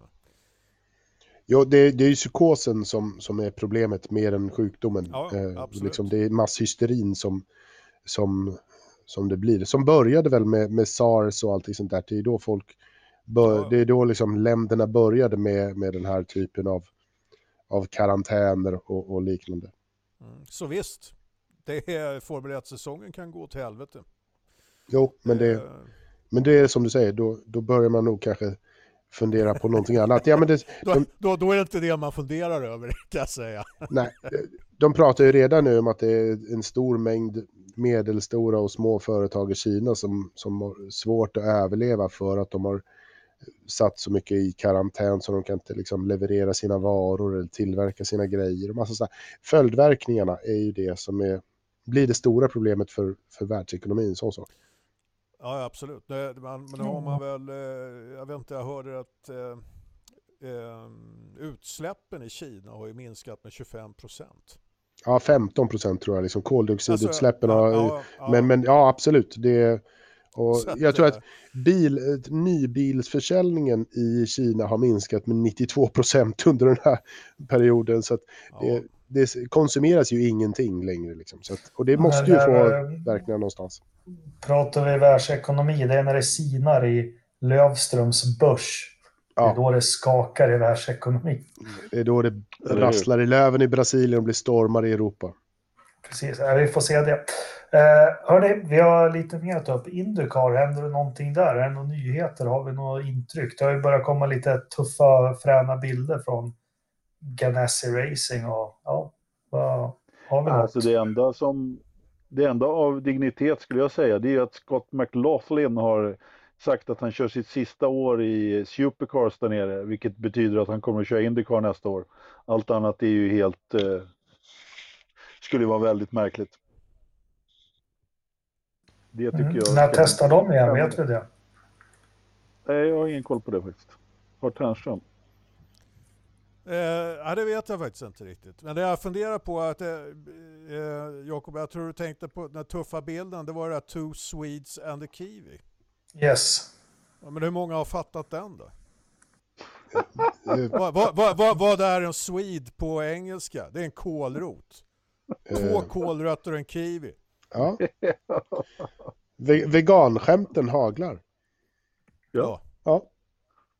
Det är väl bra att vi förstod dem. ja det kanske Det är bra att du har Ja, Du har, förklarat du har inte varit med. Du har inte varit med på några poddar. Vad sa du? Jag sa, att det var att, jag, jag sa att det var bra att du förklarar för oss mindre vetande Ternström, som, som inte vet vad kålrötter heter. Ja, jag, Vad- Vad sa du Jakob? Jag tappade bort mig helt. Eh, gjorde jag. Eh, men Ternström, du har inte varit med på några avsnitt. Har du någonting om vad du ser fram emot när det gäller Indycar-säsongen och svenskfighten och, och precis allting? Mm, nej, men min lilla analys efter testerna var väl att eh, det, det var en mycket tydligare dominans av eh, Andretti och Penske än vad det kanske har varit eh, under tidigare eh, eh försäsonger. Då, då. Och eh, eh, även om Ganassi är tre bilar så har de, en, eh, de har ju en jätteutmaning att eh, ta sig an de här eh, jättarna i Indycar. Kan man, kan man eh, dra någon nytta av att Penske har köpt upp eh, Indianapolis och, och sådana här saker? Liksom att företaget Penske, kan, vad, vad för nytta kan de dra av att de äger en jävlans massa? Att de, de äger väl hela Indycar-tjofräsen? Ja, visst. Ja, alltså, men det gör man ju inte Nej. bara för att det är skoj liksom. Nej, men han ska ju göra affärer och, och eh, Roger Penske tror jag... Eh, det har ju alltid varit så att Indianapolis har ju varit en, en outsider på något vis. En, en eh, aktör som eh, Indycar har varit tvungen att, att förhandla med. Liksom, och de har, har eh, ju satt upp sina egna villkor ibland. Liksom. Och, och det var ju också där som eh, vad ska man säga, eh, basen för splitten som blev i, i amerikansk racing låg en gång i tiden. Eh, när man delar på sig med kart och IRL då. Eh, jag tror att Roger Penske, eh, jag tror att han, han månar om motorsporten, han månar om Indycar, han vill att det liksom ska vara en jävligt bra plattform för lång tid framöver och eh, Eh, nu fick han ju möjligheten att ta över det här och eh, eh, vad ska man säga eh, skapa lite stabilitet för, eh, för Indycar som helhet. Tror jag. Ja, det var ju, det var ju Så- de, de tidigare ägarna som kom och, och pratade med honom. Det var ju de som kom och erbjöd. Ja, det var ju visst, inte så visst. att han gick dit och sa hej jag vill köpa, utan de som, de som kom och sa hej vi vill sälja Mm. till dig. Mm. Så Ja. det, det säger ju någonting om honom, absolut. Och det, vi får väl hoppas att de fortsätter. De har ju en bra deal på gång, liksom. de har en bra moment, de bygger någonting bra. Jag tror att publiksiffrorna ökar, Eh, intresset i Europa ökar, antar jag. Eh, Och, och sådär. Sen får vi se om de, om de ska göra en Australien-Europa-satsning eh, av det hela eller om de håller sig till, till sitt nordamerikanska. Jag, jag hoppas att de är lite försiktiga. Förra gången som eh, ja, Kart gjorde de här eh, utflykterna och försökte expandera i eh, Europa och på andra, andra ställen så eh, det blev ju för dyrt. Va? Ehm, jag tror att det finns andra marknader som de kanske ska fokusera på innan de eh, börjar gästa Europa. Jag, jag ser liksom ingen poäng med det. Va? Utan de, de behöver ju kanske eh, få tillbaka sin närvaro i Sydamerika som de hade tidigare när de körde i Brasilien och Mexiko och vad fan det var någonstans. Jag skulle, jag skulle kunna tänka mig ett lopp i Japan. Det, skulle inte, det är ju inte så jäkla mycket flygande från, från USA. Ja, det, hade, det hade de ju också. Mm. De körde på Motegi bland mm. annat. Mm. Eh, så att, eh, men, men eh, det är en kostnadsfråga tror jag och jag tror att det är otroligt viktigt för Indycar att eh, eh, hålla, hålla igen där på kostnaderna. Det får inte börja skena iväg liksom. För då riskerar man att stå där ytterligare en gång med, med sviktande startfält. Va? Utan håll ner kostnaderna och, och se till att eh, man, man håller sig på en bra nivå helt enkelt. På en hållbar nivå skulle jag vilja säga. Mm. Svensk fighten då, Ternström? Ja, ja, i min värld så eh, kommer ju Felix att dominera den. den. Helt klart. Du vet att han lovar våra lyssnare en seger i St. Peter direkt va? det, är, det är jävligt kaxigt. Mm. Det... Han verkar ju gilla den banan när han var där senast. Så att, eh, varför, varför, inte? Men eh, Indycar går aldrig att lova några segrar. Liksom. Det, det är ju alldeles för tajt för det liksom, på något vis. Det kan gå lite hur som helst. Misslyckat påstopp och så är man femma istället för etta. Ja. Och, då, och, då, och, då, och då räcker det med, och då, när vi talar misslyckat påstopp, då talar vi inte 20 sekunder. Det kan räcka att det, eh, det påstoppet tar två sekunder för lång tid. Liksom. Ja, nej men det blir, de har inga mer tester ser jag. De kör igång här i mars i St. Peter. Så vi får se. Det, men någonstans, Runt den 15 va? Ja, precis. Uh, vi ska se, 14 15 ja. Mm. Söndagen är den 15. Det är, det, är pre, det är premiären både Formel 1 och Indycar. Vilken jävla helg. Ja, den måste vi snacka upp som det heter. Hörni, klockan går. Vi har fått mycket frågor. Är ni beredda för lite Fråga-podden? Vad säger ni? Jajamän.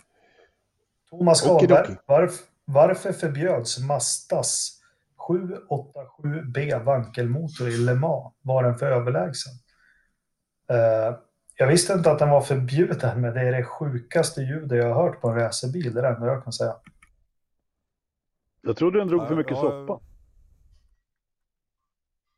Det kanske det var. Det kan det ha varit. Någonting sånt. Det är det enda jag kommer ihåg av den där, men eh, ja, det, det kan ha varit något annat också. Nej, det, det var Johnny, Johnny Hölbert som vann i den va? Okej. Okay. Ja. Jag vet inte, det, det, det, enda jag, det enda känslan jag får är att det är soppa. Den, den drog för mycket, det var inte effektivt. Skalberg igen. Ja. Hade Schumacher vunnit ytterligare två VM om inte Renault hade kommit med sin Mass Damper 2005? Eller var det någon annan faktor som gjorde att Renault började vinna? Ja, de vann ju. mastdämparen massdämparen vart ju förbjuden 2006 och de lyckas ju vinna VM då ändå. Det som gjorde att de vann 2005, de hade ju bäst ordning på tillförlitlighet och på det här reglementet som var 2005, att du inte fick byta däck. Så Renault hade bra ordning på de grejerna. McLaren var den snabbaste bilen 2005 men hade ingen tillförlitlighet och 2006 var ju en jämn säsong där det faktiskt var ett motorras på Ferrari. Var det i Japan va? Som avgjorde VM? Ja, det var någon mer som ville svara. Nej. Jag kan, jag kan det... säga, säga, att de, de, de, där åren är dimmiga för jag, det är de jag har sämst koll på eftersom jag höll på så jävla mycket med svensk motorsport. Då. Ja. Då är det tur att jag ja. finns. Joakim Broheder, Kalmars. Jag skulle bara säga, förlåt Jakob, ja, det är jättebra att du har koll på Jag skulle bara... Ja, förlåt då. Jag, skulle, jag bara väntade på att, du skulle, att ni skulle prata klart så skulle jag svara på frågan och den, svaret på frågan är nej. Så, nu kan du ta nästa. Niklas Erik, Gitarr. gitarr. Joakim Brohede, kan Mersas dass vara ett trick som ska locka till sig blickar eh, så att andra nyheter på bilen inte får så mycket uppmärksamhet? Nej, det tror inte jag, men de har något spännande med bakfjädringen som ingen har fått sett. Vad tror ni? Ja, kanske det.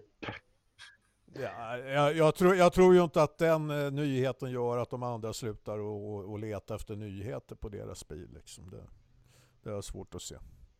Nej, alltså det skulle inte förvåna mig om, det, om Mercedes, Mercedes skulle gjort någonting sånt, men nej, jag tror inte heller. Ja, men det skulle vara ganska praktiskt att, för andra team också att Mercedes har en, en, en meningslös nyhet som alla i mediavärlden pratar om. Så kan Red Bull och Ferrari fortfarande utveckla sina egna saker i lugn och ro utan att någon håller på och tjafsar om dem. Så kan det vara. Visst är det så? Så kan det vara. Ja. John Fredrik Berglund, vart är Ternström? Eh, han sitter där han sitter. Han sitter ju där. Ja. Jag ser bara, ja, ja. visserligen bara flinten på honom, men jag tror att han är där. En synnerligen stilig flint också. Har Jakob börjat medicera sin Tourette? Nej, det, tyvärr, de, de medicinerna har vi inte hittat än. Mikael George Nilsson, sandbaggar Ferrari eller, eller är de inte bättre? Ja, det har vi ju pratat om. Mm. Här kommer en intressant. Den här ger jag till dig Ternström. Hypotetisk Nej, men hör, fråga. vä, vä, vä, vä, vänt, Ja. Vänta nu, vänt, vänta. Ja. Nej, jag tror inte att de sandbaggar. Nej, Det har vi ju sagt att jag de bara fick för för mig att har pratat om det i 40 Nej, alltså, minuter. De kör precis så jävla bra de kan. Ja, det tror jag alla gör. Jag är så trött på det här med att hela tiden säger man att testerna betyder ingenting, vi ska köra våra program och så. Men fan, alla försöker ju köra den där bilen så fort det går. Alla. Ja. Snälla kan, Ja. snälla, kan inte jag få citera Eje Älg en gång till? Det är i alla fall ingen som försöker köra långsamt. Uh, Nej. Oh. Det, det, är hans, Eh. det var hans svar när de snackade om att eh, testerna inte gä- gällde någonting och så vidare. Och det är helt sant. Ja, men så är det. Okej Ternström, den här är till dig. Thomas Johansson, hypotetisk fråga. Hur bra tror ni Hamilton skulle prestera under en hel säsong i Indycar?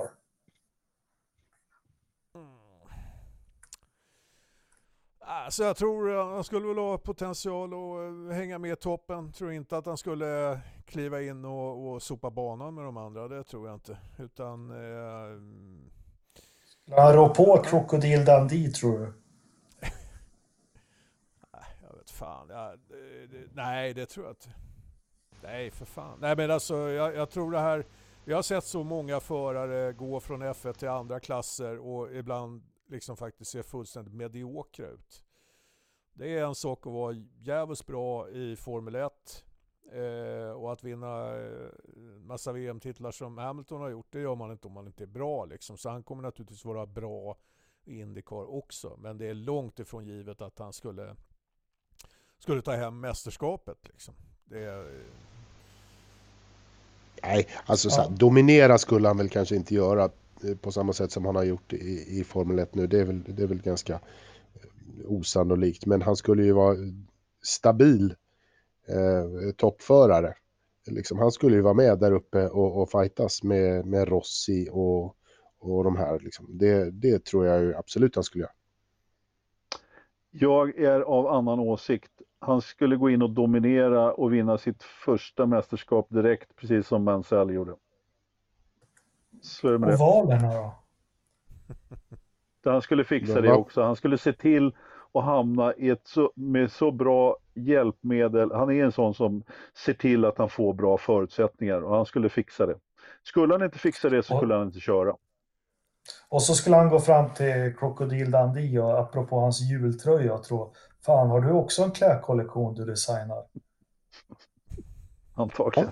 Nej, det var, nej, det var Ja, inget kul. ja. Eh, Bobby Sandberg, har Jakob slutat vara elak? Nej, det är de andra pilarna. De hjälper inte mot Tourette, men de hjälper mot andra saker. Precis. Eh, varför, jag vill inte kom du elak. av dig nu eller? Nej, men jag blir stött faktiskt. Jag blir stött. Det var ju någon som var jättearg för att jag inte tyckte att Viasat var bäst i världen. Men nu ska vi inte... Vad fan. Nej, Jakob.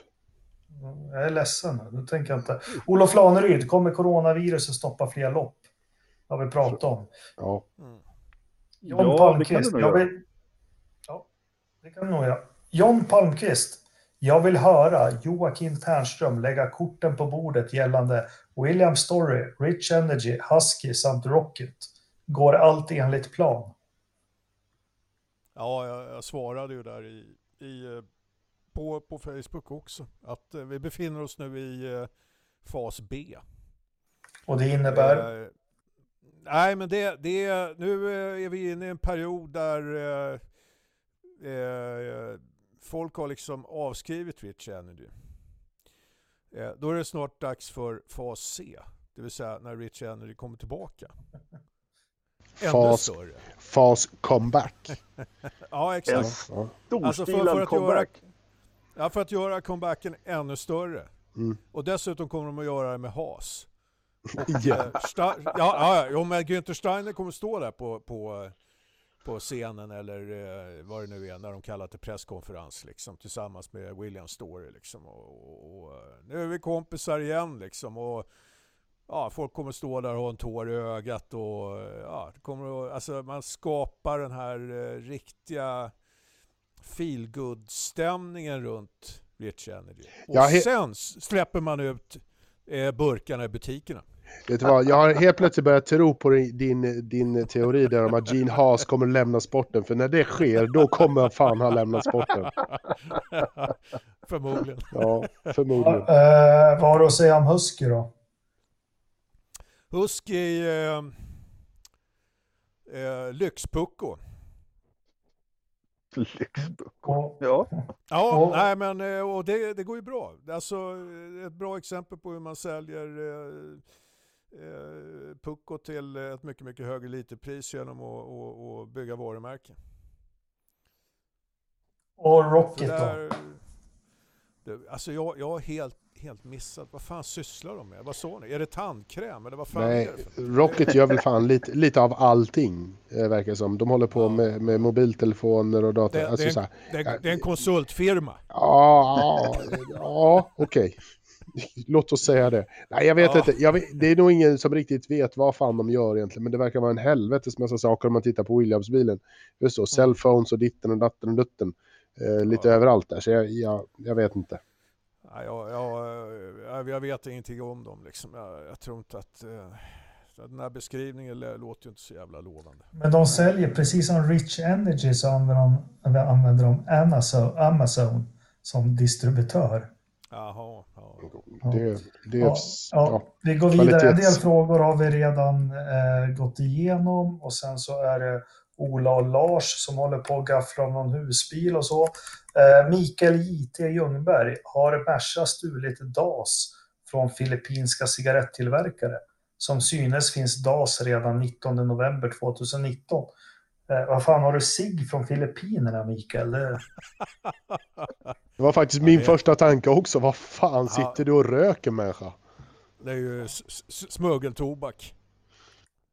Ja. Eh, Ola Len Lennström, i vilket race avgör Hamilton VM och tar sin sjunde VM-titel? Då Det var, ju någon som hade, det var någon som hade ett bra svar där tycker jag. ja, Australien.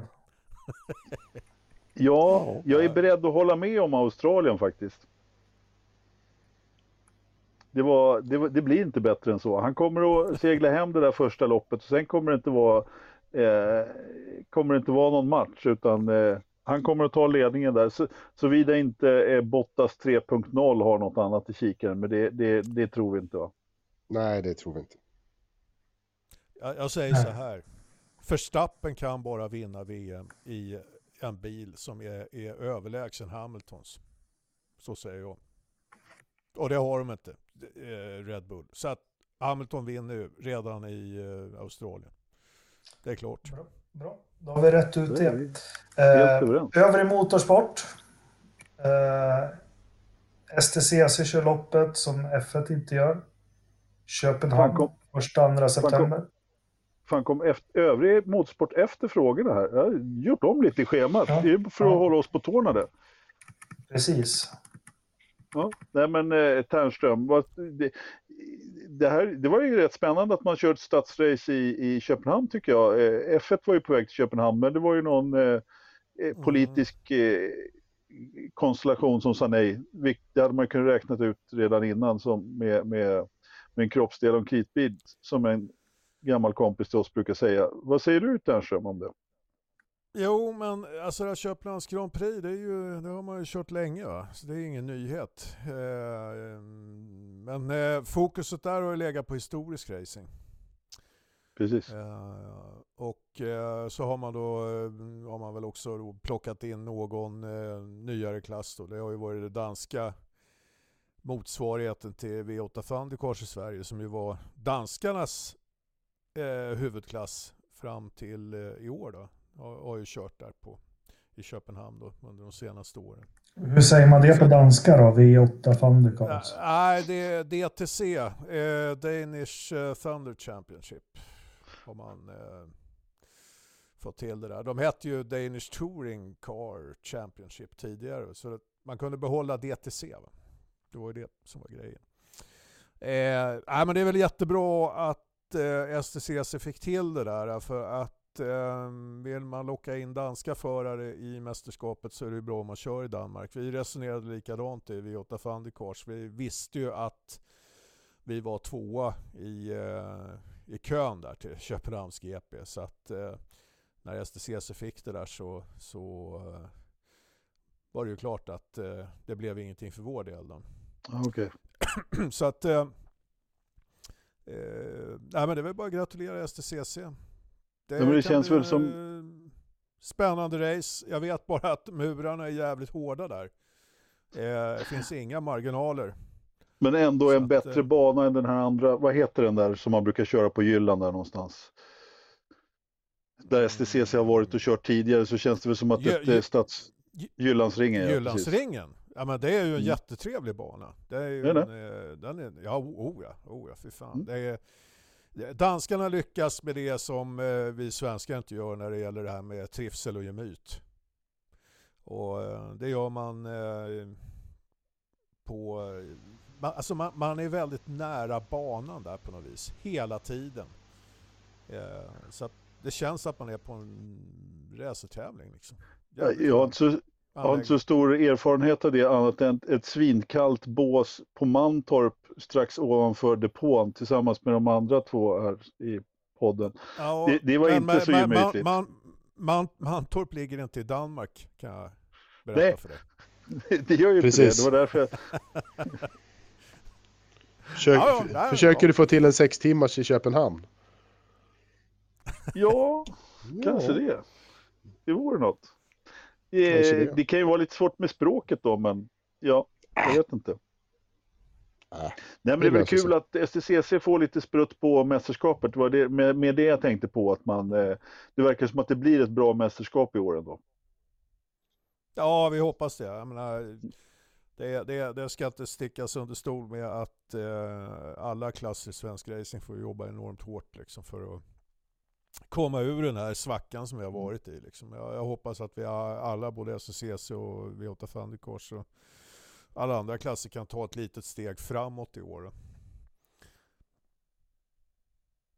Verkligen. Ja, ja, ja, ja. bra. Ja, men vi nöjer oss med det. Inget Formula E eller något med Anders. Vi får ta det nästa vecka. Veckans förstappen. Ja, men det måste vara, jag har en. Jag, jag har mm. min klar, det var han som trängdes i liftkön framför mig. Med, med vita brallor, rutiga, eh, såg inte klok ut. Det var inte snyggt. Wi alltså. William Story. Såg du inte? Tog du inte autograf? Det var ju, det var ju honom. Det, ja. Nej fan, jag missade. Ja. Jag känner inte igen honom under skidhjälmen. Nej, precis. Eh, Alfa Romeo för att vara bleka i testerna. Vad säger du Ternström? Jävligt svårt att eh, komma på någonting här faktiskt. Eh, Jag gav dig Renault. Ja, jo, ja. Haas. ja, men jag tycker de där är...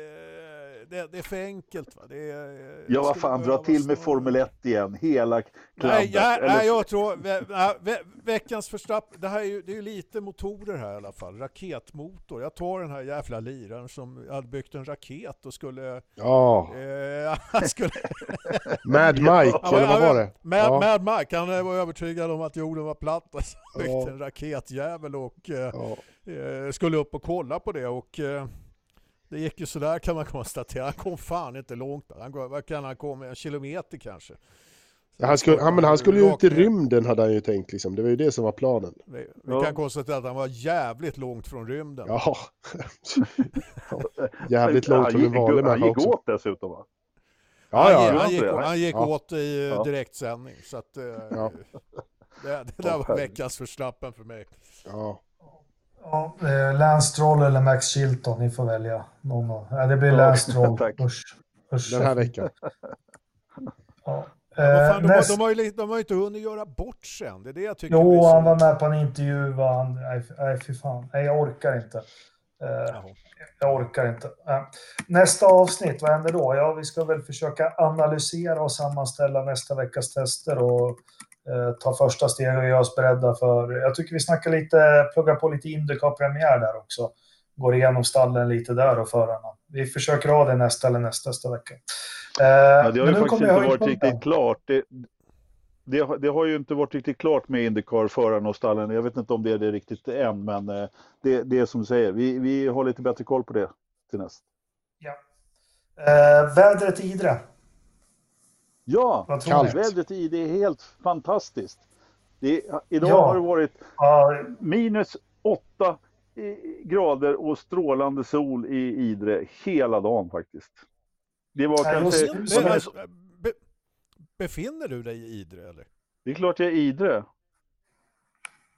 Men Man måste ju åka hit och kolla läget. I Past, förra podden, har du inte lyssnat på den? Ja. Så var det ju så att Pastis hade ju inte skottat sin eh, framför garaget. Eh, så vi måste Nej, ju kolla så att snö. han... Jo då, det fan... i Idre finns det mycket jo, snö det fanns det. meddela. Ja, för fan. Ja, Och så jag var ju tvungen att åka upp och skotta. Jag var ju tvungen att åka upp Ja. och skotta hans garageinfart liksom. Mm. Alltså, Nu, nu kan, nu, nu, men, men nu kan, vi alltså, nu kan vi alltså kolla hur pass väl hans jävla termometrar stämmer. ja, jag, fast jag har ju faktiskt inte varit in. Jag sitter ju inte i datorförrådet dock. Nej, nej, men han har, han har ju någon eh, för yttertemperaturen där. Ja, Ja, jo, minus det var det. 13. Ki- Ja, kila iväg nu Anders och kolla, kolla Ja. termometern i fö- köksfönstret. Ja, jag ska göra det. Vänta lite. Ni kan prata så länge. Jag måste ta mig ner från den här jävla våningssängen. Då kan jag säga att den är minus 13,3. Minus Åh, jävlar. 13,3. 13. Jävlar. Han kanske har problem med korrelationen som i, de har i vindtunnlarna. Ja. Och Det är 89 centimeter snödjup, lätt molnighet. Jag, Eh, jag menar, du vet, alltså, tänk om, om Pastis jävla termometer har visat fel nu i... i Ja, men det är ingen som vet. Alltså, han är lite som GV. Han får stå helt oemotsagd. Liksom det, ja. ja. Ser ni termometern här nu eller? Nej, det Nej. gör vi inte. Nej, det var ganska mörkt. Men jag är så ledsen, men det är bara faktiskt bara 8 minusgrader här. Den har frusit fast på 8. Det, det diffar alltså på mer än Fem grader. Ja, fast sen, det är ju också så här att i Grövelsjön där Pastis bor så det är lite lägre. Jag bor lite högre upp då, då i Idre, så att eh, det kan vara det som du, gör du, du menar att han bor i ett köldhål? det. ja, det måste vara så. Men han låter meddela Anders att han har faktiskt eh, tagit mördarbackarna upp mot Lövåsen. Sen kört milspåret runt Björnliden och Sågbäcken. Eh, Ja, men mördarbackarna blir man ju lite... Alltså, Ja, det är det. eh, det är Jag han som som har döpt backen. Ja, Varför? ja, det kan man fråga sig. Jag som tyckte jag såg honom i liftkön också, men nej, då var det inte han då. Nej. Uh, jag ska försöka se här om vi... Ja, skitsamma. Uh, 13,3 ute. Eh, vi har fått en ny favoritsensor uh, medan du har haft ett litet uppehåll. Uh, Ternström. Mm. som vi är bekymrade över. Det är den här relativa fuktigheten och den ligger på 80, 84 procent ute och den är faktiskt på 20 procent inne nu. Va- vadå? 20%? Eh, eh, Är det, är det, det är ju inte högt det. Nej, det Nej, kanske alltså inte det- är. Kanske ligger... Det har varit 22 har det varit förut som högst tror jag. Det hade Nej, varit 50 värre om- max. Det hade varit värre om det hade varit 80 inomhus. Ja, 20. Ja. Ja. Ja. Nej, men vi, vi, vi, vi pratar lite grann om att han måste ha något kall på paxfläkten där så att det har varit lite, lite fuktigt inomhus. Men han kanske har fått sp- sprutt på den där igen. Ja, ja, jag tror det. Ja, men då kommer den då. Kronjuvelen i, i podden. Tempen i datorförrådet, eller? Alltså det är ju ganska kallt. Jag börjar gissa på 21,3. ja 20,2. Ja, vad fan. Eh, Men eh, 20,8. Nej, 22,1. Nej. Varmt som och den har hållit sig stabil mellan 21,8 och 22,4. Men vet ni vad? Det här har gått Nej. oss helt förbi. För 13 dagar sedan, då var tempen i datorn 2,6 grader. Oj, oj. Det är Det- inte Det är mycket. inte bra. Det är inte bra. nej. Nej, det är för Det var lite. nära förfrysning där. Ja, vad... Men- Ja. För mycket kylpasta. Jakob, Jakob, Mm. jag- någonting som jag är intresserad av, hästkrafterna där, är de uppåt eller neråt? ja, men de tog vi när du mycket var borta. Det... Nej, de åt sidan. Jaha, förlåt. Eh, Åt sidan? 1006,1. Okej. Ja. Nej, Eftersom Ja. eh, jag är då i trakterna och gärna ser att det blir ett hö fortsatt högtryck med fin sol som det var idag. Så. Men Jo, men då har Ja, du ja, ju tausero.se. Ja, det är bara in och ja, kolla. jag ska gå in och kolla. Bra, bryt Nej. inga ben i skidbacken. Ternström, lycka till med redigeringen och Ridderstolpe, krya på dig så hörs vi om en vecka igen. Det gör vi. Ha det gott. Det gör vi. Tack. Ha det så bra. Tack. Ha det Hej. bra. Hej.